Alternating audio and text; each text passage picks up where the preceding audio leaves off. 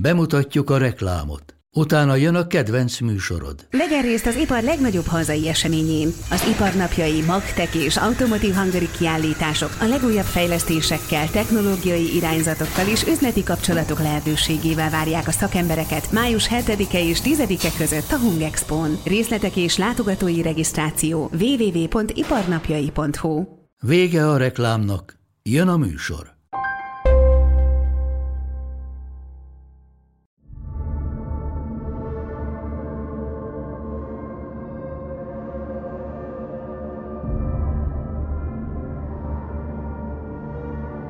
A rendszerváltás egyik ikonikus eseménye volt Nagy Imre újratemetése.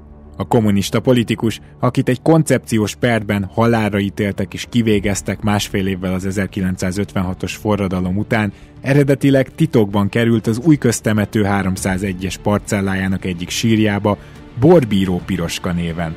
Azonban 1989. június 16-án az összegyűlt tömeg előtt új, saját nevét viselő sírba helyezték hogyan lett kommunista vezető és később miniszterelnök Nagy Imréből. Miért követelte az ő kormányzását az 1956-os forradalom? Milyen elveket vallott és miben volt hajlandó engedni? Miért volt fontos a rendszernek a kivégzése, és végül miért vált ikonná? És a fő kérdés talán az, hogy miként lett a kommunizmust leváltó új generáció egyik hőse egy hithű kommunista.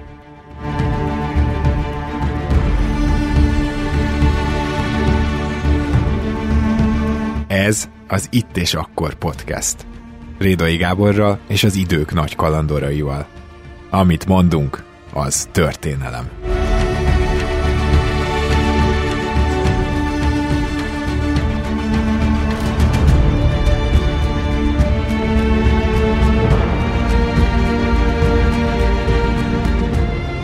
Sok szeretettel köszöntünk mindenkit az Itt és Akkor podcastben. Ma egy egészen különleges témánk lesz, ami igazából egy ember, egy történelmi személy köré csoportosul, de ezáltal majd azért itt különböző korokat is összehasonlítunk. Minden esetre először is hagyd mondjam el, hogy kérlek, hogy kövessetek minket Facebookon, illetve természetesen tudtok feliratkozni a podcastre minden olyan platformon, ahol csak podcastet lehet találni, beleértve természetesen az iTunes-t, a Spotify-t, a Google Podcast-et, stb. stb. A Google Podcast-nél volt egy apró probléma az előző adással kapcsolatban, ez nem, nem a mi oldalunkról jött, hanem az ő oldalukról, de remélem, hogy azt már kijavították. Minden esetre, hogyha esetleg valakinek a Google Podcasten nem jönnek be az adások, akkor a Player FM-et tudom még nagyon ajánlani. Nekem a személyes kedvencem az a program, illetve weboldal, hogyha esetleg valaki nem akar az iTunes, Spotify vonalon mozogni. Na de ennyit a bevezetéssel, mert hát ugye már túl vagyunk egy intrón, és abból is tudjátok, kedves hallgatók, hogy ma Nagy Imre karaktere lesz a középpontban, illetve arra a kérdésre mindenképpen szeretnék választ találni, hogy hogy lett végül Nagy Imréből egy ikon, és Nagy Imre újratemetése miért lett a rendszerváltás egyik mindenképpen jelképes eseménye. Mert hogy ugye Nagy Imre, mond, szinte mondhatjuk, hogy egy hithő kommunista volt, konkrétan voltak olyan vitái Rákosival, hogyha jól emlékszem, amiben azt mondta, hogy már eltávolodtak az eredeti kommunista eszméktől, tehát egy ilyen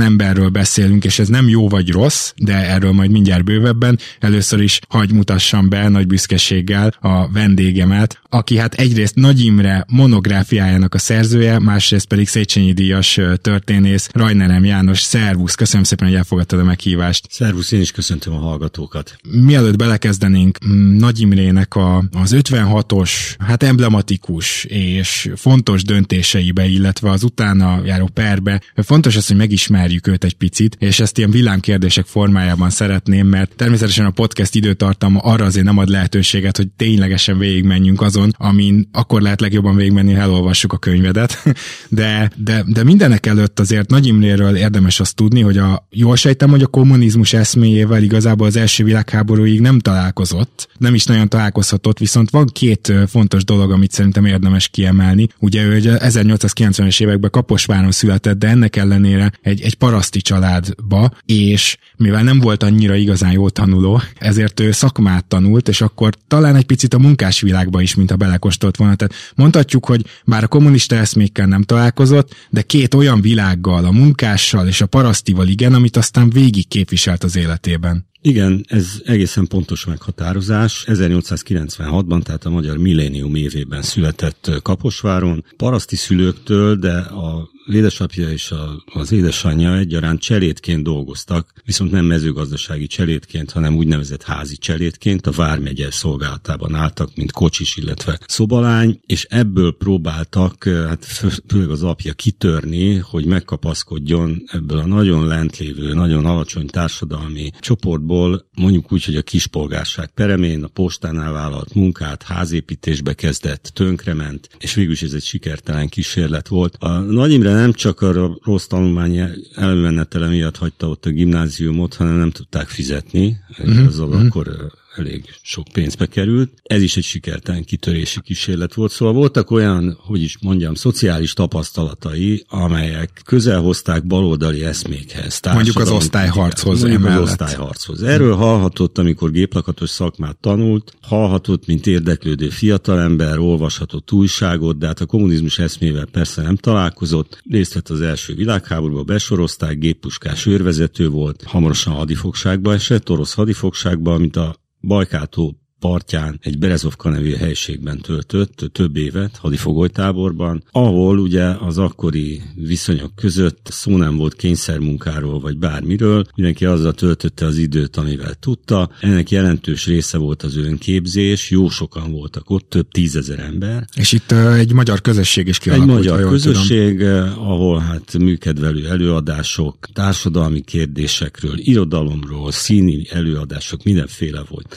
Itt találkoztunk találkozott ő, és hát egészen konkrétan az 1917-es bolsevik forradalom szibériai hullámverésében, azzal az eszmével, amivel aztán eljegyezte magát a kommunizmussal, hogy ő belépett a bolsevik pártba, meg belépett a Vörös Gárdába, ez egyáltalán nem volt egy különleges dolog. Nyilván oda vitték azok az élmények, amelyeket otthonról hozott, oda vitte, amit megértett az orosz forradalomból egy még elég kezdetleges nyelvtudással, de oda vitte az is, hogy egy ilyen dinamikusnak, győztesnek látszó szervezet, az például ellátást kínált, relatív biztonságot, még a harcárán is, de, de mégiscsak valamiféle biztonságot, és hát reményt arra, hogy előbb-utóbb hazakerülhet. Na igen, de azt is mondhatjuk, hogy az első ilyen összetettebb világmagyarázat, ami az ő életében jött, az gyakorlatilag a marxi kommunizmus eszméje volt. Hát ezt nem tudjuk pontosan, hogy mi volt a fejében. Ő ugye az élete végén, amikor Romániába internálták a forradalom után, hozzáadott az önéletrajza megírásához, és szerencsétlen módon ott szakadt meg mondat közben ez a kézirat, ahol a hadifogság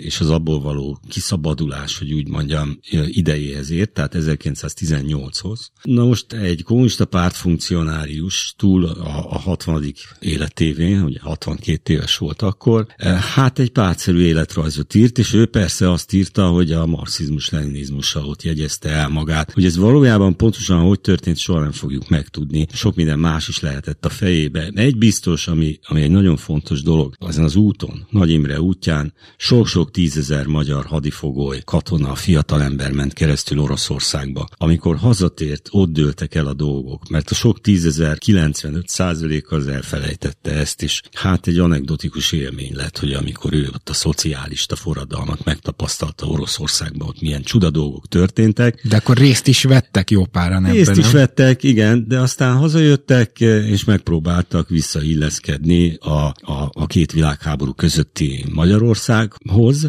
nagy Imrét az különböztette meg ezektől az emberektől, hogy ő, az ő elhatározása, az ő elköteleződése az sokkal szilárdabb, sokkal keményebb, és mint később kiderült, életre szóló volt. Sokakkal, nagyon sokakkal ellentétben.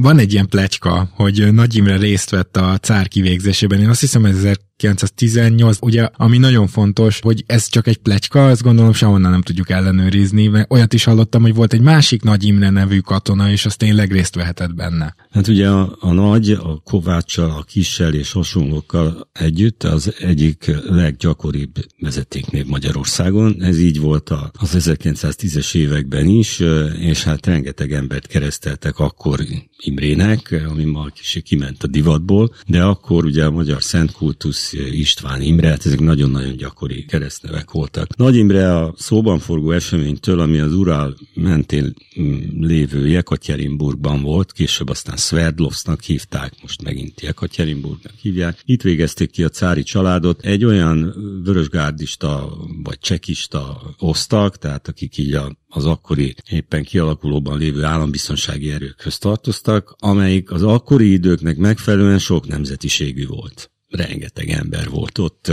már az orosz birodalom népei is hát több tucatra rúgott, és ott voltak a hadifogságból a Vörös Gárdába átlépő emberek, tehát lehetett ott nagy nemű, lehetett ott nagy i, aki lehetett Nagy Imre, Nagy oh, István. Érte. Az oroszok nagyon gyakran nem írják ki a keresztnevet, hanem csak oda írják, hogy I vagy J, az nagyjából ugyanaz. Nadi, és ez bármi lehetett. Ez a hír, ez egyébként akkor merült fel, 1989 körül, 90-es évek legelején, amikor Nagy Imre hosszú elfeledettség után megint érdekes lett, de hát a dolog kizárt, mert ezt Nagy Imre rengeteg önéletrajzában, amiket időközben írt, amikor ez egyáltalán nem volt szégyelni való dolog, hogy uh-huh. részt vett egy ilyen dologba, ezeket se egyáltalán nem tartalmazza. Ő több ezer kilométerre volt a tett színhelyétől, a polgárháború kellős közepén, közte volt a fellázadt cseh légió, amelyik szép lassan ment nyugat felé, hogy hazatérjen. Fehérgárdisták, vörösgárdisták, anarchisták, ilyen-olyan-amolyan fegyveres alakulatok, tökéletes anarchia nem lehetett csak úgy utazgatni a Bajkátótól 1918-ba átugrani az Ural másik oldalára, ah. aztán vissza,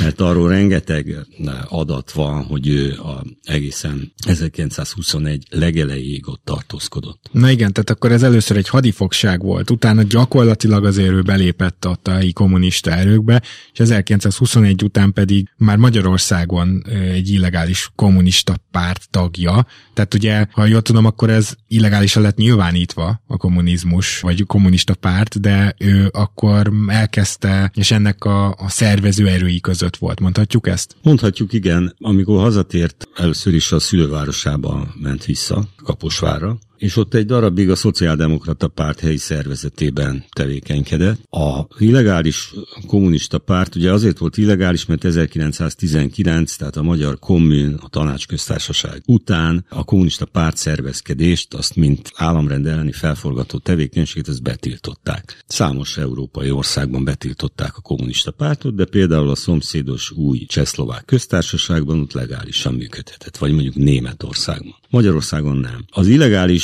párt szervezők a 20-as évek közepén vették fel Nagy Imrével a kapcsolatot, és szervező egyéniség volt annyiban, hogy rábízták a párt vidéki szerveződését. És a kommunista pártról annyit tudni kell, hogy két igazán jelentős társadalmi csoportra támaszkodott. Az egyik az értelmiség, és mondjuk így, hogy a közép- és kispolgárság bizonyos csoportjai voltak. Ez egy tipikusan városi dolog, legfőjebb kisvárosi. A másik a munkás munkásság. Ez is eléggé urbánus dolog. Kaposvár egyikben sem tűnt ki különösebben, ez egy agrárius kisváros volt, úgyhogy Nagy Imre feladata az volt, hogy indítsa be a párt vidéki szervezését, és azon belül is a parasság körében. És a parasság egyéb arculata miatt, de különösen a 19-es tapasztalatai miatt, amikor a földreform nagy várakozásával szemben a kommun, a kommunisták nem osztották ki a földet, hanem megpróbáltak valamiféle közös gazdaságokat szervezni, nem nagyon ment egyébként. Uh-huh. Szóval halálosan bizalmatlanok voltak a kommunista párttal szemben, és minden kommunista eszmétől távol tartották magukat, kivéve az úgynevezett agrárproletárok, akik ugye nem rendelkeztek földdel, és hát az akkori társadalom legalján eh, nagyon-nagyon embertelen, nagyon szegény és nyomorúságos körülmények között éltek. Ezeknek a körében volt fogékonyság minden eh, radikális társadalomkritikus eszmére, legyen az baloldali vagy jobboldali egyébként, és hát itt próbálkozott Nagy Imre. Afféle vidéki titkár lett így az 1920-as évek végére, amit azzal is elismertek, hogy meghívták a kommunista párt második kongresszusára, amit Moszkva mellett tartottak. Most ezt itt nem egy ilyen tömegpárt több száz fős küldött gyűléseként kell elképzelni, hanem összesen kb. 30 ember wow. vett ezen részt, és az egyike ő volt, a kommunista agrár és földmunkás mozgalomból összesen három ilyen küldött volt, és ennek a kis csoportnak, ugye ez egy nagyon nagyon hierarchizált alakulat, szerveződés volt a kommunista párt, ennek Nagy Imre volt a vezetője. Így került ki egyébként a Szovjetunióba, és azt hiszem, hogy ő sem gondolta akkor 1930 legelején, hogy ez egy jó erős 14 éves ott tartózkodás lesz. Tehát 1930-ban így kikerül a Szovjetunióba. Hogy kérdezzek valamit, amit aztán az adás során majd egy kulcs pillanatban még egyszer fel tudunk tenni. Meg lehet állapítani, hogy ekkor Nagy Imre előbb volt-e hazafi, vagy előbb volt-e kommunista. Arra vagyok kíváncsi, hogy a kommunizmus nagy eszméjének kiterjesztésén dolgozott, hazája felemelkedésén dolgozott, vagy a kettőn együtt. Van-e egyáltalán erről valamilyen önvallomása élete korábbi szakaszából? Az élete korábbi szakaszából főleg ilyen kanonizált hivatalos szövegek voltak, vagy hivatalos használatra írt ilyen szövegeket, önéletrajzokat és egyebeket, de rendelkezésre állnak az írásai, a kommunista párt vezetése, mint illegális alakulat, ugye nem ülésezhetett gyakran, nagyon intenzív levelezés folyt a külföldi, bécsi, prágai, esetleg moszkvai központokkal. Ennek alapján azt lehet mondani, hogy ezt a két kérdést, tehát hogy a világ proletárjainak felemelkedése, tehát a kommunizmus univerzális felszabadító küldetése, és Magyarország és a magyar proletariátus, beleértve a magyar agrárproletariátust felemelkedése, ez egyáltalán nem vált szét akkor Nagy Imre számára. Annyiban érdekes az ő útja, hogy mint olyan sokan, folyton vitába bonyolódott a vezetőtársaival. Tulajdonképpen a kommunista párt bizonyos értelemben a dokumentumok tükrében egy leginkább egy intenzív belső vitáktól gyötört kis szektának tűnik. Uh-huh. Nos, ebben Nagy Imre is részt vett, és az érdekes volt, hogy bírálta a pártvezetést azért, mert szerinte nem alkalmazkodnak a magyar sajátosságokhoz. A magyar vidék, a magyar paraszt, a magyar paraszt és a föld. Hagyj szúrjam már be ide, hogy volt neki egy Magyar Parasztság helyzete című műve. Hát meg is akartam kérdezni, hogy ez egyébként egy komoly, tehát mondjuk úgy, hogy tudományosan komolyan vehető mű, vagy minden esetre az ő saját irányait kimérhetjük belőle? Hát ez a könyv nem nevezhető tudományos műnek, ha bár nagyon rendszeres és alapos anyaggyűjtés előzte meg. Nagyon sok adatot összegyűjtött a magyar parasztság helyzetéről, különböző hozzáférhető forrásokból. Nagyon szerette például a statisztikákat, ez egyébként később a élete során végigkísérte. De ez inkább az úgynevezett pártirodalom része volt. Tehát nem egy olyan fajta szociográfiára kell gondolni, ami a népi írók írtak kicsivel később a 30-as évek közepén, hanem inkább a kommunista párt agrártéziseinek, tehát agrárpolitikai programjának, arról szólt, mi lenne, ha átvennék a hatalmat, akkor mit terveznek. Nos, ezeknek az alátámasztását tartotta a feladatának, és sok mindent írt aztán a Szovjetunióba, hiszen egy a kommunista internacionálé, tehát a Nemzetközi Kommunista Világszervezet egyik háttérintézetében, az Agrárintézetben dolgozott, ott ez volt a feladata, hogy ilyen munkákat hozzon létre, ahol alapos, okadatolt módon kifejti a kommunista párt az adott országra vonatkozó agrárpolitikájának, jövendő, leendő agrárpolitikájának a fő vonalait. Na most ugye 30-ban kiment Oroszországba, és kint is maradt jó sokáig. Egyrészt nem furcsa ez? Mármint nem hiányzott ilyen szempontból a hazája, nem akarta hazamenni, másrészt pedig, ha jól emlékszem, 30-as években is kalandos volt, hogy még ki is zárták a pártból egy időre. Ennek ellenére kint maradt, tehát hogy van ez? Azt hiszem, hogy a kongresszusra még úgy ment, hogy utána hazajön, és a, az ott elfogadott határozatok alapján folytatja az illegális pártszervezést Magyarországon. A kongresszus, ahogyan az, az előbb említettem, tulajdonképpen leképezte, csak éppen élőben. Ott aztán együtt voltak, kb. 30-an. A párt addigi történetét a legélesebb viták, sőt veszekedések zajlottak, amelyekben Nagy Imre is részt vett. Ekkor ő már jól beszélt oroszul, gondolom. Hát ott magyarok voltak, úgyhogy... Ja, ja, okay. Akkor az... És a, a, a szovjet that testvérpárt küldötte is, aki ott felügyelt rájuk, az is egy magyar származású kommunista volt, aki ott maradt az első világháború végétől. Úgyhogy ott még nem nagyon kellett az orosz nyelvtudását csillogtatnia. Nem hiszem, hogy ekkor nagyon jól beszélt volna oroszul. A hétköznapi nyelvet valamelyest ott a polgárháború két-három éve alatt, az biztos, hogy elsajátította, persze. De hát a viták magyarul folytak. A vitákban vereséget szenvedett, megbírálták, jobboldali elhaj zajlónak bélyegezték már ekkor, és hát az a határozat született, hogy, hogy maradjon a Szovjetunióban, és dolgozzon tudományos pályán, menjen az Agrárintézetbe, nyilvánvalóan azért, hogy képezze magát ideológiailag, megfelelő irányítás mellett, és hát majd ezzel a tudással felvértezve térjen vissza. Biztos, hogy hiányzott neki, azt azért megszervezte, hogy a felségét azt szintén kiutaztatták az országból, gondolom hamis útlevelekkel több határt kellett akkor átlépni, úgyhogy ilyen értelemben, sőt a, a, az akkor néhány éves kislányával együtt, a család együtt volt,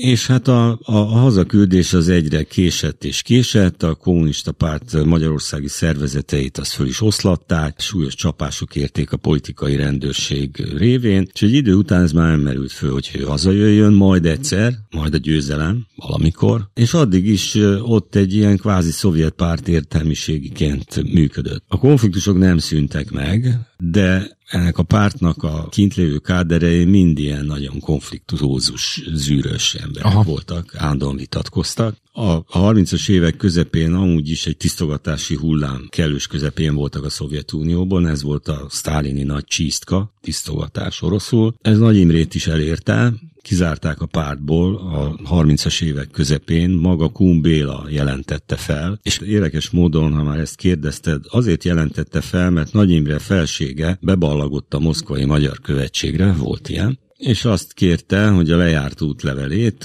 azt hosszabbítsák meg. Amiből Kumbéla arra következtet, hogy Nagy Imréné haza akar menni. Ez így is volt, kapott hírt, leveleztek, hogy a, az édesapja halálos beteg, szeretett volna elbúcsúzni tőle. Kun nem ezt rótta fel Nagy Imrének önmagában. A felsége pedig nem volt pártag, tehát ez is elég furcsa. Nem, miért nem ehetett volna akkor?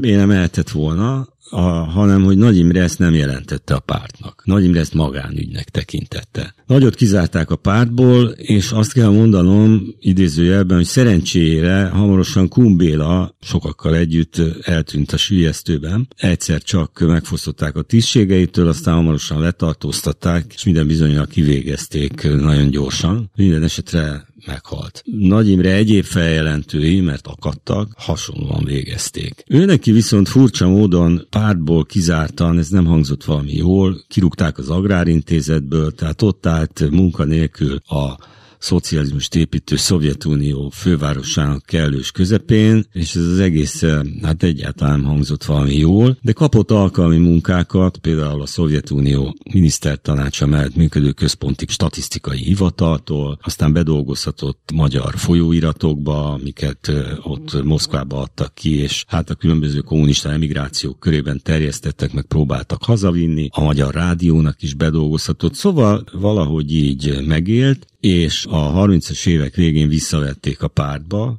törölték a fegyelmi ügyét, persze ez bekerült egy vaskos káder dossziéba, mindennek nyoma maradt, ugye ez egy nagyon jó fejlett bürokratikus rendszer volt, és akkor, amikor a a tisztogatás elcsitult. Tehát itt már akkor a Jezsov csinálni is túl vagyunk? Már a Jezsov csinálni is túl vagyunk, és már, már Beria vette át a belügyminisztériumot, akit ugye minden rossz híre ellenére Stalin azzal a feladattal bízott meg, hogy konszolidálja a helyzetet. Közeledett a háború, ezt mindenki tudta, hogy ez előbb-utóbb elkerülhetetlen. Szovjetunió össze fog csapni Németországgal, a magyar emigránsok nyilván gondolhattak arra, hogy Magyarország is Németország szövetségese, tehát háború lesz, nekik ott valamilyen feladatuk lesz. Káderek viszont nem nagyon voltak. Amikor 1940-ben az 1848-as zászlókért cserébe kiengedték a Magyar Kommunista Párt ünnepelt vezetőjét, a 16. éve börtönben lévő Rákosi Mátyást, akkor ugye szétnézett Moszkvában, és szomorúan konstatálta, hogy alig maradt valaki. Alig maradtak káderek, már pedig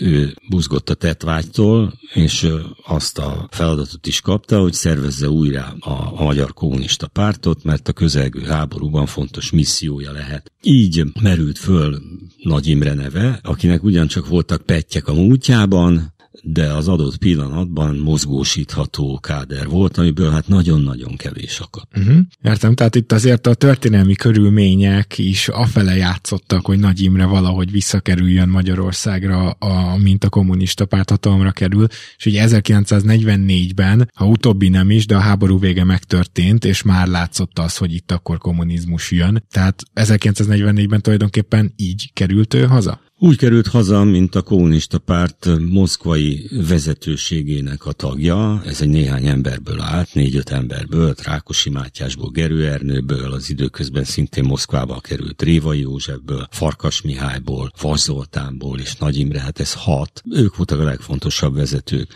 Ami sokkal fontosabb volt, úgy került haza, mint az új magyar kormány leendő földművelésügyi minisztere, ez egy rendkívül fontos, az adott pillanatban egy stratégiai pozíció volt, mert a kommunista párt belátva a 19-es tévedéseket és az agrár politikában való hosszú téveigést, ugye nem ment könnyen ennek a hibánk a felismerése, azzal a programmal küldte haza Nagy Imrét, és az egész kommunista vezetés ennek a jegyében jött tulajdonképpen haza, hogy az első dolog, mit végre kell hajtani, az egy radikális földreform, tehát a nagybirtokrendszert egész le a középbirtokokig tulajdonképpen fel kell számolni Magyarországon, és hát annyi földművesnek kell földet juttatni, amennyi csak lehet. Ez egy nagyon komoly feladat volt, hiszen Magyarország agrár népessége rendkívül nagy volt, a rendelkezésre álló földterület pedig nem volt olyan nagy, bár uh-huh. adottságot, tehát ma sokkal kevesebb területet művelnek meg, mint akkor. Ennek ellenére ez közgazdasági szempontból ez egy nagyon összetett feladat volt, de a kommunista párt elszántan érkezett, hogy, hogy ezt végrehajtja, és a kulcs pozícióban Nagy Imre került. Ugye, mint az a miniszter, akinek a fő felelőssége ennek a nagy átrendezésnek a végrehajtása akkor az első öt éves tervnek a kialakításában, mert tudom, hogy ez nem kizárólag agrárterv volt, de hogy azért ugye annak egy jelentős része ez volt, abban Nagy Imre is részt vett, mert az viszont csúnyán megbukott. Hát abban paradox módon nem vett részt, mert ugye az első öt éves terv az 1950-ben indult, közben eltelt öt év, és Nagy Imre tulajdonképpen nem egészen egy évig volt agrárminiszter, földművelésügyi miniszter, utána belügyminiszter volt, ugyancsak kevesebb, mint fél évig, és különböző pozíciókat töltött be, volt az ország országgyűlés elnöke, volt a kommunista párt agrárkérdésekért felelős titkára, tehát tagja volt a titkárságnak, ugye ez egy nagyon exkluzív kis létszámú testület volt Rákosi Mátyás főtitkár vezetésével. Azokban a munkálatokban, azonban, amik a öt éves tervet előzték meg, Nagy Imre nem vett részt, nem vehetett részt, mert 1947 és 49 között megint szembe került a pártvezetéssel, a erőltetett, gyorsütemű és az erőszakot sem mellőző szovjetizálást ő ellenezte. És ő itt, egy, ha jól tudom, hogy ő össze is vitatkozott ezen Rákosival többször hát ez is. egy hosszú és több menetből álló vita volt, ahol Nagy Imre a rájellemző módon többször írásban összegezte az álláspontját, ezek ma már alig olvasható, sok tucat oldalas elaborátumok, hogy miért nem lehet azonnal tészeket szervezni, és miért kell megvárni, amíg a parasztság önmagától a lenini önkéntesség alapján a szövetkezés útjáról lép. Bocsánat, a, nem hogy a hallgatóink, mert ő, ő közöttük biztos, hogy van, aki még jobban ért a történelemhez, mint én, de hogy ha, ha most ezt hallja valaki, akkor szerintem ezen meglepődik, hogyha csak nem ásta bele magát ebbe a kommunista eredeti eszmébe. Tehát mi ez az önkéntesség? Ez valahogy nem ez rémlik nekünk a kommunizmusról, úgy gondolom. Igen, hát a kommunizmushoz most a történet végén, vagy a történet egy hosszú és nagyon jellegzetes fejezete végén szinte összefonódik az erőszak. Tehát, hogy a társadalom átalakítását azt erőszakosan kell végrehajtani. Ez szerepelt az eredeti elgondolásokban, még Marxnak is a 19. században voltak ilyen utalásai. A, a kommunizmus alapfeltevése az volt, hogy a társadalmi egyenlőtlenségek elsősorban az úgynevezett termelőeszközök tulajdonviszonyai ból fakadnak, amelyeket ugye a burzsóázia, tők, tőkés osztály tart kézben. Igen. Ezt meg kell szüntetni, a magántulajdont meg kell szüntetni, és ez átalakul valamiféle közös tulajdonná. Ennek a folyamatnak, a kisajátításnak a fő eszköze az állam lett ez Lenin javaslata volt. Lenin a magántulajdon megszüntetését természetesen egy univerzális folyamatnak gondolta, tehát nem csak arról volt szó, hogy, a, hogy mondjuk az ipari üzemeket, vagy a szolgáltatásokat, vagy bármi ilyesmit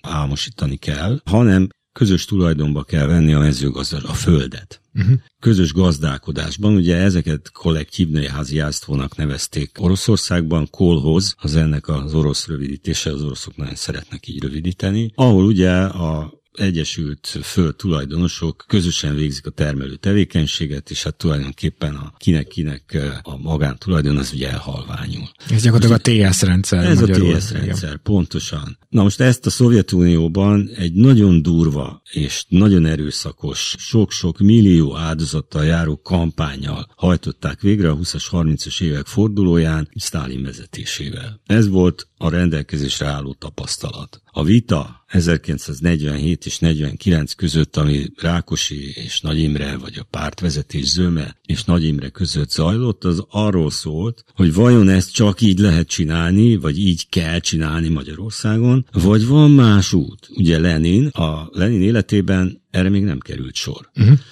Úgyhogy Lenin találta ki azt a két híres elvet, hogy hogyan kell kolhozokat szervezni az önkéntesség és a fokozatosság útján. Lenin ezt így látta. Ő abból indult ki, hogy a polgárháborúban a paraszti vidékeken a bolsevikok nem voltak túlságosan népszerűek. A Dón vidékén, ahol ugye most is teljes a káosz és egy háború zajlik, hát ez egy nagyon forró pont volt a bolsevikok számára is, egymást követték a paraszt felkelések, ez az ország legjobb gabonatermő úgynevezett fekete földövezete, szóval Leninnek is voltak tapasztalatai, nem véletlenül mondta, hogy ebben azért talán nem kell annyira sietni. És Nagy Imre itt Lenin pártján Nagy Imre itt Lenin álláspontját foglalta el, ami egy, ami egy elég... humánusabb álláspont, igen, bocsánat, hogy ezt hangsúlyozom. Humánus de... álláspont volt, és hát az jól látta, hogy a, a magyar parasságban még sokkal erősebb gyökerei vannak a tulajdonosi szemléletnek. Egyrészt van egy nagyon széles birtokos parasság, és 45-ben a földosztás révén ez még szélesebb lett. Ez egy, egy évszázados álomnak a beteljesülése volt, milliós tömegek számára. És hogy ezzel nem célszerű egy egész hatalmas tömeget kihívni, eh, hogy most akkor egyszer csak azt mondják, hogy eh, alig néhány év telt el, de bocsakó visszaszívjuk az egészet, és most TSZ-eket, közös gazdaságokat fogunk szervezni, amivel mindenki beadja a földjét, a felszerelését, a házi állatait, mindent. Aha. Ebben a vitában Nagy Imre verességet szenvedett, gőzerővel nekiálltak a TS szervezésnek, ő pedig úgy nézett ki, hogy kegyvesztett lesz. Pont 49 végén, 50 elején, amikor csinálták az öt éves tervet, és el akarták küldeni vagy Pekingbe, vagy Bukarestbe nagykövetnek. Maradjunk hát annyiban, hogy félre akarták félre állítani. Akarták igen. állítani. Egy rövid reklám, és már is folytatjuk a műsort. Minden út egy utazás, és mi a Mazdánál arra törekszünk, hogy annak minden pillanata tökéletes legyen. Mazda CX-5 utolsó széria. 194 lóerős, két és fél literes mild hibrid benzinmotorral, akár milliós kedvezménnyel, vagy kedvező finanszírozási feltételekkel elérhető. A finanszírozást az Euroleasing nyújtja, THM 4-től 4,9%-ig. A tájékoztatás nem teljes körű, a részletekről érdeklődjön márka kereskedéseinkben. Mazda, Crafted in Japan. Vége a reklámnak, folytatjuk a műsort.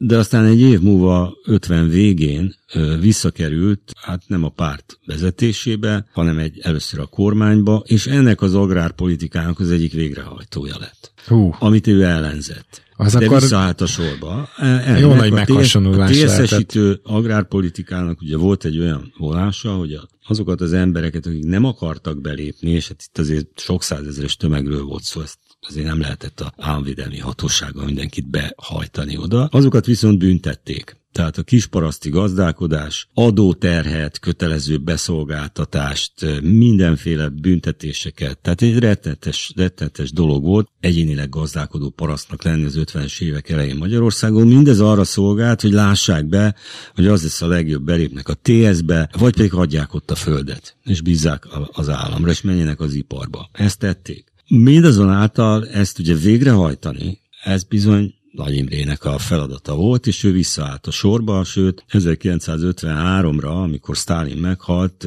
már visszakerült a felső pártvezetésbe, és a kormány egyik elnök helyettese, tehát miniszterelnök helyettes volt. Mennyire gondolod ezt uh, utólag hajlékony gerincnek, vagy mennyire inkább az történt, hogy ő a saját elképzeléseit eltette magának, és azt mondta, hogy akkor megpróbálja ezt későbbre érvényesíteni? Sose fogjuk megtudni azt, hogy, hogy azért eltette magának, arra utalnak jelek, mert amikor 1953-ban a Sztálin utáni szovjet vezetés azt tanácsolta melegen a magyar vezetésnek, hogy vegyenek vissza ebből a, az észvesztő gazdaságpolitikából, meg társadalompolitikából, akkor Nagy Imre magától értetődően visszanyúlt az 1949-es gondolataihoz, és ez meggyőződése lett egészen 1956-ig, sőt szerintem élete végéig, hogy ott egy nagyon nagy hibát követtek el, letértek, ezt így írta, ő így beszélt, letértek a leninizmus útjáról,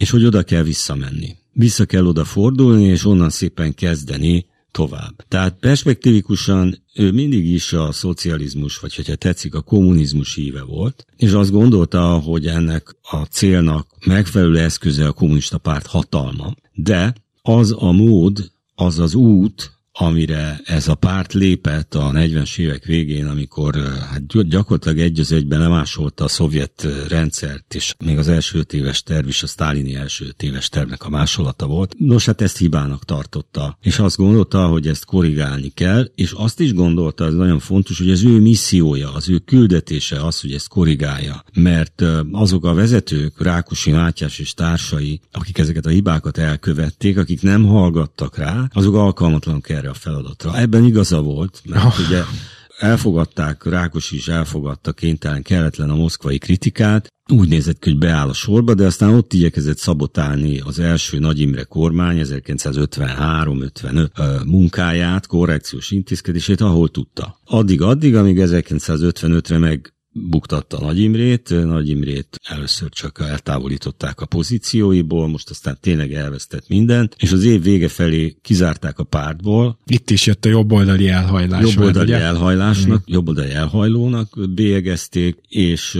még az sincs kizárva, hogy egy politikai pert készítettek elő ellene.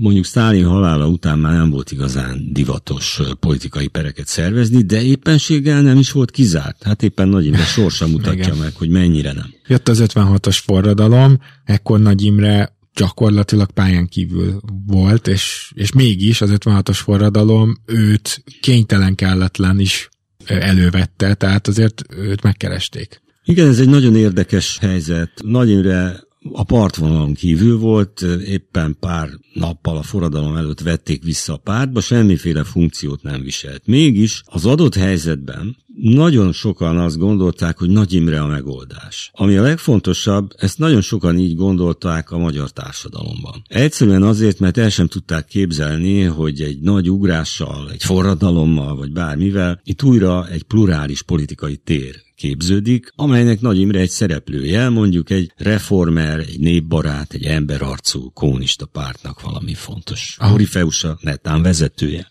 másokkal együtt. Ez valahogy olyan, olyan nagyon fantasztikusnak tűnt, és akkor már, ha a kommunisták közül kell választani, hát Nagy Imréhez kötődtek pozitív társadalmi élmények. 53, az enyhítés, leállította a TS szervezést, amnestiát hirdettek, mérsékelték az adóterheket, felemelték az állami iparban a fizetéseket, megpróbáltak egy életszínvonal politikát kialakítani, ami hát a korábbi évekre, mondjuk a 40-es évek végétől 53-ig egyáltalán nem volt jellemző. Tehát mindez összeadva a földreform, a földosztó miniszter emlékével, ez azt jelentette, hogy a kommunisták közül még leginkább Nagy Imréről voltak kedvező társadalmi élmények. Október 23-án egy beszédet is mondott. Én azt olvastam, hogy ő nehezen állt kötélnek, tehát nem akart ő feltétlenül itt beszédet mondani, de aztán Igen. meggyőzték. Igen, mert ugye a, a, a beszédet tulajdonképpen két oldalról sürgették. Egyrészt a parlament előtt átsorgó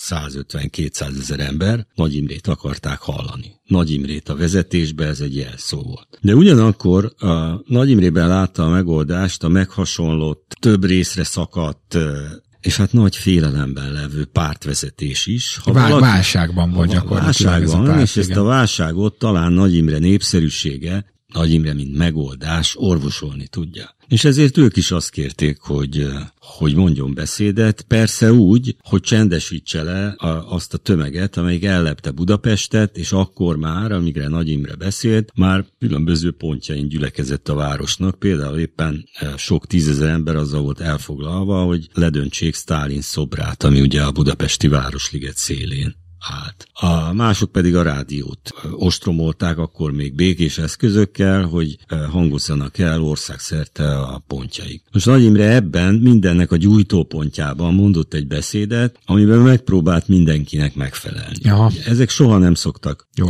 véget érni. Mert ha már ugye a politikai bizottság, a párt, amelynek ismét tagja volt, és ezért a fegyelmét, a párt fegyelmet magára kötelezőnek vélte. Arra kéri, hogy csendesítse le a tömeget, ő ezt elfogadta. Ugyanakkor érzékelte azt az igényt, amely hát nyilvánvalóan jól esett egyszerűen az emberi és politikusi hiúságának, de nagyon jól tudta, hogy egy nehéz helyzetben ez egy óriási tőke, hogyha valakiben bíznak. Tehát ennek is próbált megfelelni. Az eredmény egy nagyon szerencsétlen beszéd volt, már rosszul kezdődött, mert az évtizedes rutin és beidegződés révén elvtársaknak szólította az ott összegyűlteket, Ouch. akik éppen kezdtek kilépni ebből a nyelvi keretből. Gondolom két hónappal korábban, ha összejön X számú ember, nyilván nem százezres tömeg, és ottan elvtársazzák őket, hát ezt meg se hallják, mert már ez ment évek óta. De ott abban a pillanatban, amikor éppen megtapasztalták a szabadságot, hát ez nagyon rosszul esett. Nagy Imrét avval kezdett, kifütyülték. A mondandója azt se tetszett, mert azt mondta, hogy hát természetesen ezek nagyon helyes követelések, és ezeket orvosolni fogjuk, majd a párt vezetése meghozza a határozatokat, és hát visszatérünk 1953 ra Hát nem egészen ezt várták tőle, aha, hanem valami kosuti,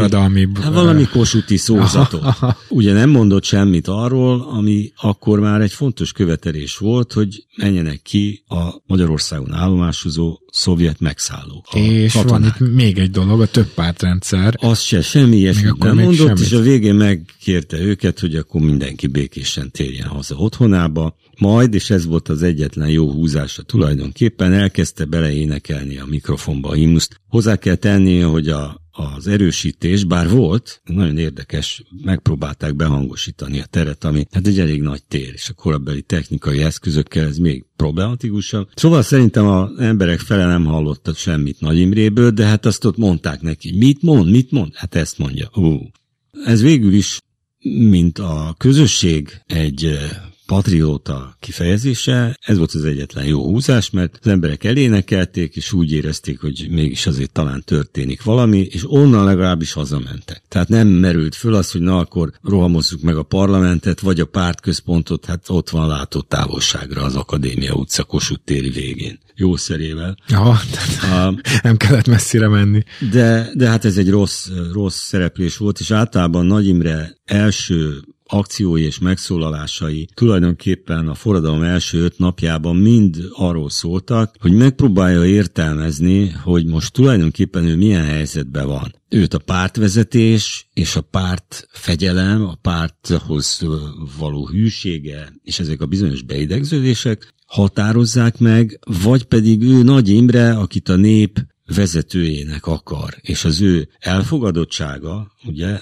divatos idegen szóval legitimációja, az magából a forradalomból táplálkozik. Honnan van? Uh-huh. Ez egy nagyon fontos kérdés egy politikus számára, főleg ilyen múltal. És hát eltartott jó néhány napig, amíg rájött, hogy még a pártvezetés az gyakorlatilag cselekvésképtelen, és nem nagyon fogja tudni őt orientálni, viszont ugye sikerült behívniuk a szovjet csapatokat, amivel beleugrasztották a szovjet vezetést persze ott is volt rá igény, a magyarországi rendcsinálásba, ebben a helyzetben ő jószerével a magyar társadalomra támaszkodhat, amelyik azonban már régen túl volt azon, hogy visszatérni 53-hoz. Aha. Több pártrendszert akart, egyre inkább kilépni a Varsói szerződésből, azonnal vonuljanak ki a szovjetek, akik ugye fegyveres harcban álltak a felkelőkkel, és hogy lépjünk ki a Varsói szerződésből. Ez egy hiperradikális elképzelés ahhoz képest, amit Nagy Imre belső számüzetésében kidolgozott. Voltak benne közös pontok. Fölismerte például, hogy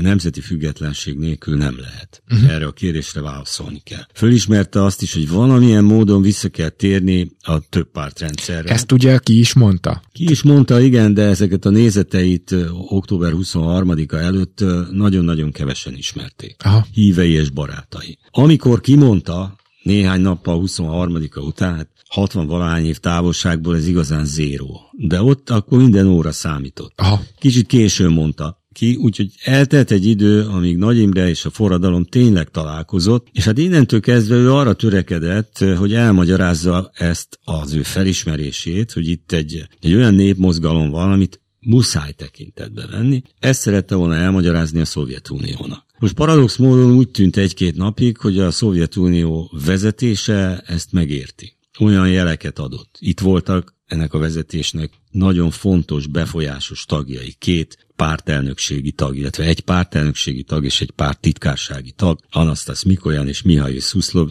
részt vettek a magyar vezetés tanácskozásaiban. Mint ahogy Kádár János is. Mint ahogy Kádár János is, és hát a, igen, a későbbi idők számos kulcsszereplője. Tehát egy darabig úgy tűnt, hogy ezt sikerül neki elmagyarázni. Később aztán kiderült, hogy nem. A Szovjetunió vezetése úgy döntött, hogy, hogy beavatkoznak fegyveresen, és hát Nagy Imre válaszút elé került. A válaszút az nagyjából úgy körvonalazható, hogy vagy beáll azonnal vezető szerepben, demonstratíve a forradalmat leverő táborba, Kádár János és a moszkvai vezetés táborába, vagy hű marad ehhez a felismeréshez, hogy 1956 az egy olyan népmozgalom, aminek a követeléseit, aminek a jelenségét nem lehet megkerülni. Ez rögtön november 4-én, amikor megindult a szovjet támadás, ami órák, percek alatt világos vált, hogy ez egy végső támadás. Igen. Nincs többet, kompromisszum. Most leverik a forradalmat, ez a kérdés akkor rögtön felmerült.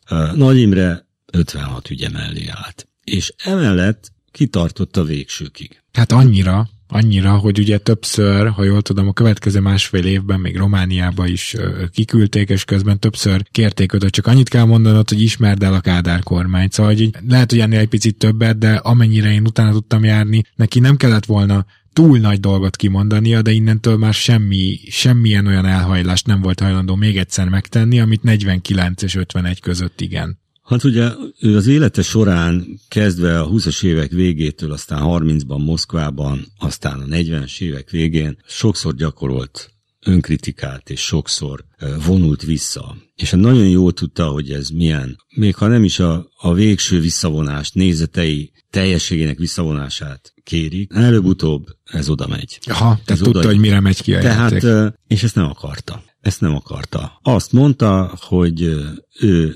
szívesen részt vesz bármilyen politikai vitában, politikai vitában, a pártban, hallgassák meg az ő nézeteit, hallgassák meg az ő értelmezését 1956-ról, addig semmilyen politikai nyilatkozatot nem tesz. Mélységesen tudatában volt annak, erről vannak dokumentumok, Romániából leírta, elmondta, hogy ennek előbb-utóbb politikai per lesz a vége. Mondta, hogy akkor majd az utolsó esély az, az lesz, hogy majd a bíróság előtt elmondom. Tehát ő készült arra, hogy egy koncepciós pert készítenek elő. A legnagyobb ellene. mértékben. Uh-huh. És nem is kellett sokat várnia rá, ugye hát 57-ben ez végbe is Hát ment. november második felében ugye kivitték Romániába, eltávolították az országból, csalással tulajdonképpen megígérték neki, hogy hazatérhet meg a társainak, az elfbarátainak, ehelyett ugye szovjetek letartóztatták, Romániába vitték, és akkor ott vették őrizetbe a magyar szervek 1957 áprilisában, és kezdetét vette a vizsgálat, amelyik hát jó hosszan tartott, jóval több mint egy évig, amíg 1958 júniusában lefolytatták a tárgyalást, ahol egyébként nem adtak lehetőséget arra, a bíró nem adott lehetőséget arra, hogy politikai deklarációkat tegyen, ő erre készült. Sajnos nincsenek meg ezek az utolsó feljegyzései, hogy ez mit tartalmazott volna, de hát a vallomásaiban amiket a rendőrség felvett, azokban ennek a fő vonalai benne vannak. Nincs semmi nyoma annak, hogy megtagadta, vagy arra készült volna, hogy visszavon bizonyos intézkedéseket, vagy ezeket másképpen látja, vagy ilyesmi. Ő, ő arra építette fel a védekezését, hogy 1956 egy kényszerhelyzet volt, egy népforradalom tört ki, amelyik különböző szerencsétlen körülmények elsősorban a Gerő Ernő féle pártvezetés elutasító álláspontja miatt erőszakba torkollott. Az ő feladata volt megmenteni a szocializmust, ez csak nemzeti függetlenség, és legalábbis a 40-es évek közepére harmadik harmadába való visszalépéssel lehet. Ilyen alapon fogadta ő el a több pártrendszert, mert azt mondta, hogy ha ezt nem teszik meg, akkor a szocializmus ügye örökre kompromitálódik Magyarországon, a magyar társadalomban, míg ha a, a forradalom céljai, hát amennyire lehet megvalósulnak, akkor van ennek reménye. Ezt akarta tulajdonképpen elmondani, ezt nem nagyon mondhatta el. Az ügyészség, tehát a politikai rendőrség, az ügyészség és végül a bíróság is ezt így ítélte meg. Tudatos szervezkedéssel vádolta, aminek célja a hatalom átvétele, és Magyarország kiszakítása a szocialista tömbből és, és a nyugati orientációja. Mindez a szervezkedéstől a rendszerváltásig, ez teljesen idegen volt. Az 1956-os Nagy Imrétől is ellenkezőleg halára idegesítette az elbarátait, akik nagyon szerettek volna kicsit szervezkedni, hogy koordináljanak akciókat. Nem a hatalom átvétele céljából, bár abban semmi kivetnivalót nem láttak volna ezek az emberek, hogyha ha Nagy Imre átveszi mondjuk a kommunista párt vezetését. Ezt nagyon is helyén valónak tartották. De ő ezt nem akarta. Azt mondta, hogy meg kell őrizni a pártszerűséget, elvszerű vitát kell folytatni. Ez majdnem naiv álmodozásnak tűnik. Tehát ez, amit a vádirata tartalmazott, ezek teljesen képtelen állítások voltak. Ez egy igazi konstruált per volt, politikai per, aminek egyetlen szavát sem fogadta el, és ez az, amit az utolsó szavaiban, most érteni itt a tárgyaláson elmondottakat úgy összességében, el akart magyarázni hogy ő semmiféle bűnt nem követett el, ő egy politikus volt, ő értette, hogy mi történik Magyarországon, ellentétben a többiekkel, és ez egy politikai vita, aminek a büntetőjogi kimenetele abszurdum. Hát ezt elmondta egy csomószor, természetesen, mintha a falnak beszélt volna. Ez a néphez nem jutott ki, ezt nem közvetítették. Nem, ez a kirakat per, ez szigorúan zárt ajtók aha, mögött aha. folyt, és csak egy hosszú közlemény, ami tulajdonképpen a vádirat és az ítélet szövegéből lett összeollózva, tudatta az ország közvéleményével, hogy lefolyt a per, hogy miről volt szó, tudnilik, hogy mit állított a vád, és mit ítélt meg a bíróság, milyen ítéletek születtek, és a vége az volt, hogy az ítéleteket, a halálos ítéleteket végrehajtották, tehát post festa néhány órával a kivégzés után tették közzé ezt a hírt. Nagy Imre egyébként a tényleges utolsó szavaiban azért látnoki erővel azt mondta, hogy majd eljön az az idő, amikor majd mindezeket meg lehet vizsgálni, és ebbe benne volt az a az az optimizmus, történelmi optimizmus, hogy hiába zárt ez a per, és nincsen ott senki, csak az őrök, a bíróság, az ügyész és a vádlottak. Eljön az az idő, amikor ez nyilvánosságra kerül, és akkor majd hát mindenki megítélheti, megismerheti, hogy mi hangzott ott el, és megítélheti az ő valódi szerepét. A magyar nép és a nemzetközi munkásosztály, mert azért a nyelvi kötelékek közül ő sem lépett ki teljes mértékben, majd igazságos ítéletet fog hozni az ő ügyében. Ő ezzel búcsúzott az élettől, és semmi kétség, vagy legalábbis én nekem semmi kétségem nincs, hogy ezt halálosan komolyan gondolta. Amire eljött ez az idő, erre Ugye 31 évet kellett várni, 1989-ben jött el ez az idő.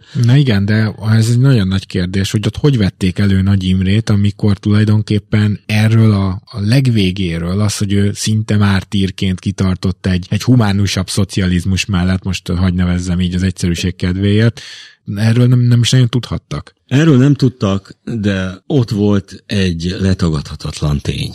A halál. Uh-huh. A halál, hogy a, a miniszterelnököt, aki a 56 november elejé beszédeivel, amiben azért mégis benne volt, hogy követeli a szovjet csapatok kivonását, hogy kilép a Varsói szerződésből, hogy Magyarország semleges lesz, hogy több párti kormányt alakít, stb. stb. Hogy ezek után ezt az embert perbefogták és kivégezték, ez ha semmilyen részlet nem.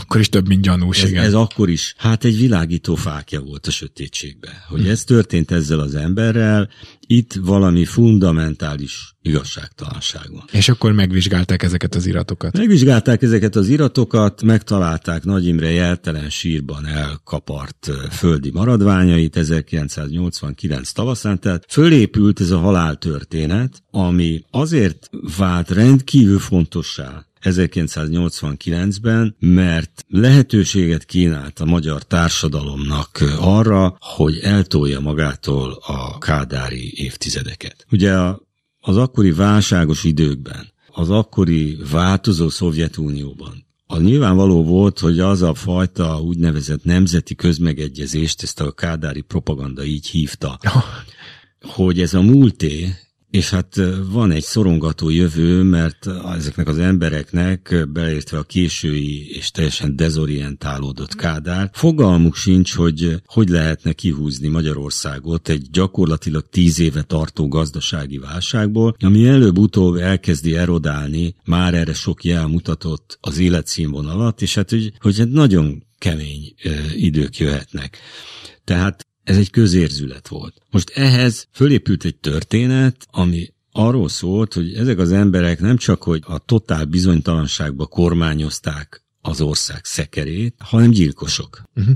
Gyilkosok és hullagyalázók. Mert ezt az embert, aki jót akart, ezt megölték, és aztán elföldelték jeltelen sírba, meggyalázták, és nem engedték az emlékezetét sem ápolni. Ez egy nagyon erős történet volt. Ugye Magyarországon nem voltak tömeg megmozdulások, olyan értelemben, mint amelyek mondjuk akár Kelet-Németországban is voltak. De voltak ilyen jelképes dolgok, De mint az István király. Pontosan, voltak szimbolikus események, amelyek kifejezhettek a hivatalos állásponttól eltérő gondolatokat, vagy akár gondolkodásmódokat. Ilyen volt meg annyi olyan esemény, amit említettél, amelyek a magyar nemzeti érzésre, és ennek minden ágabogára, a kisebbségi kérdésektől kezdve a, a nemzeti jelképekig nagyon-nagyon széles tartományban mozogtak. Hofi hát Géza munkássága is ide és voltak kibeszélések, igen. és igen. voltak jelekben beszélő művészek, filmrendezők, igen. színházi rendezők, írók,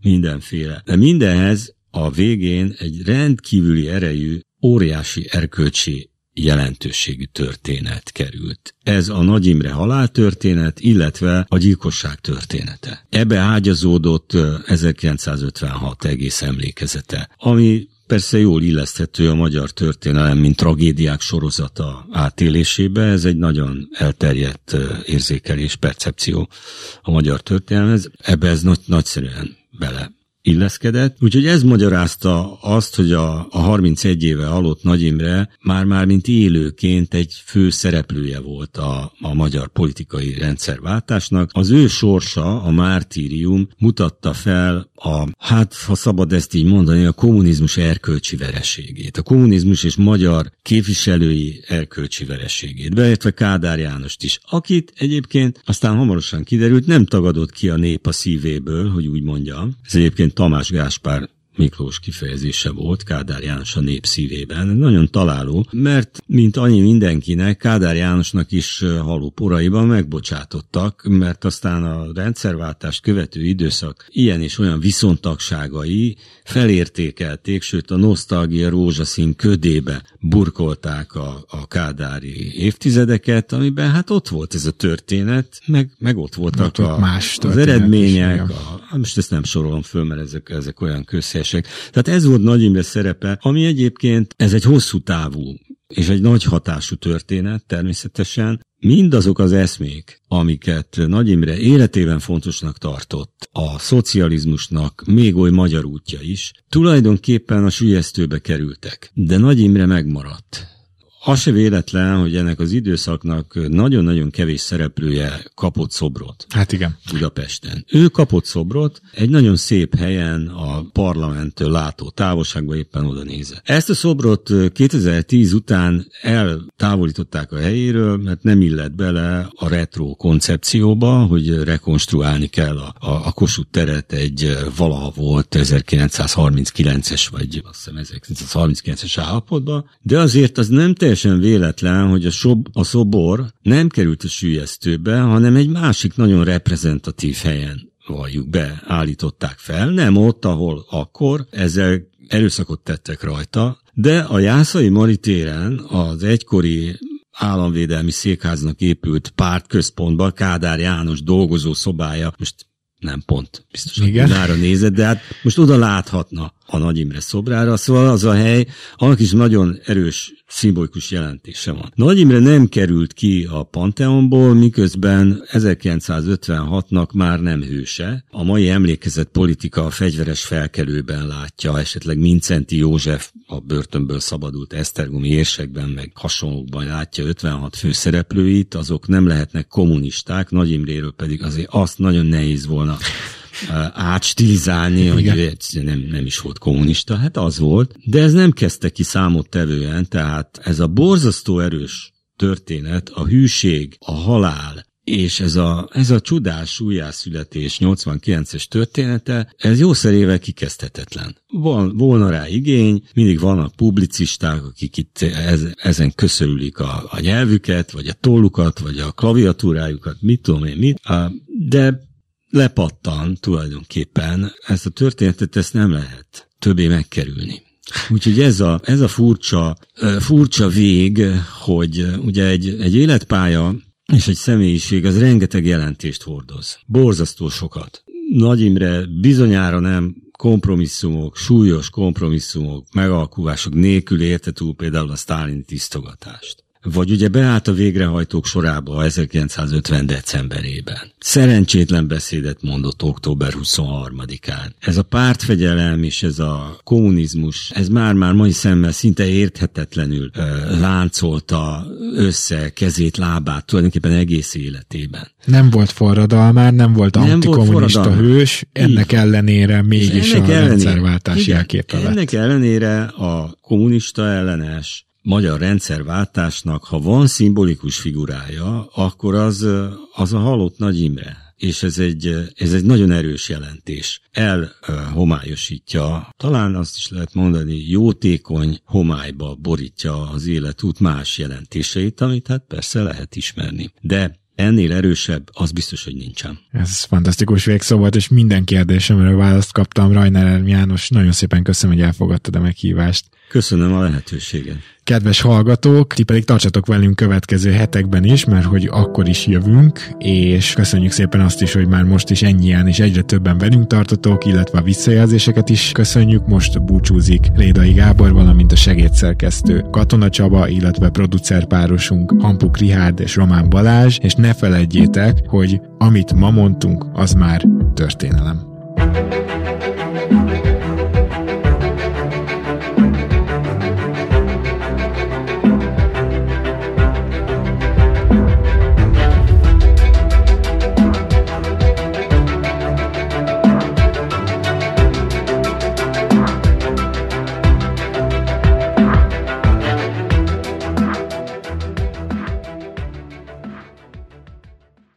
Ez egy Béton podcast.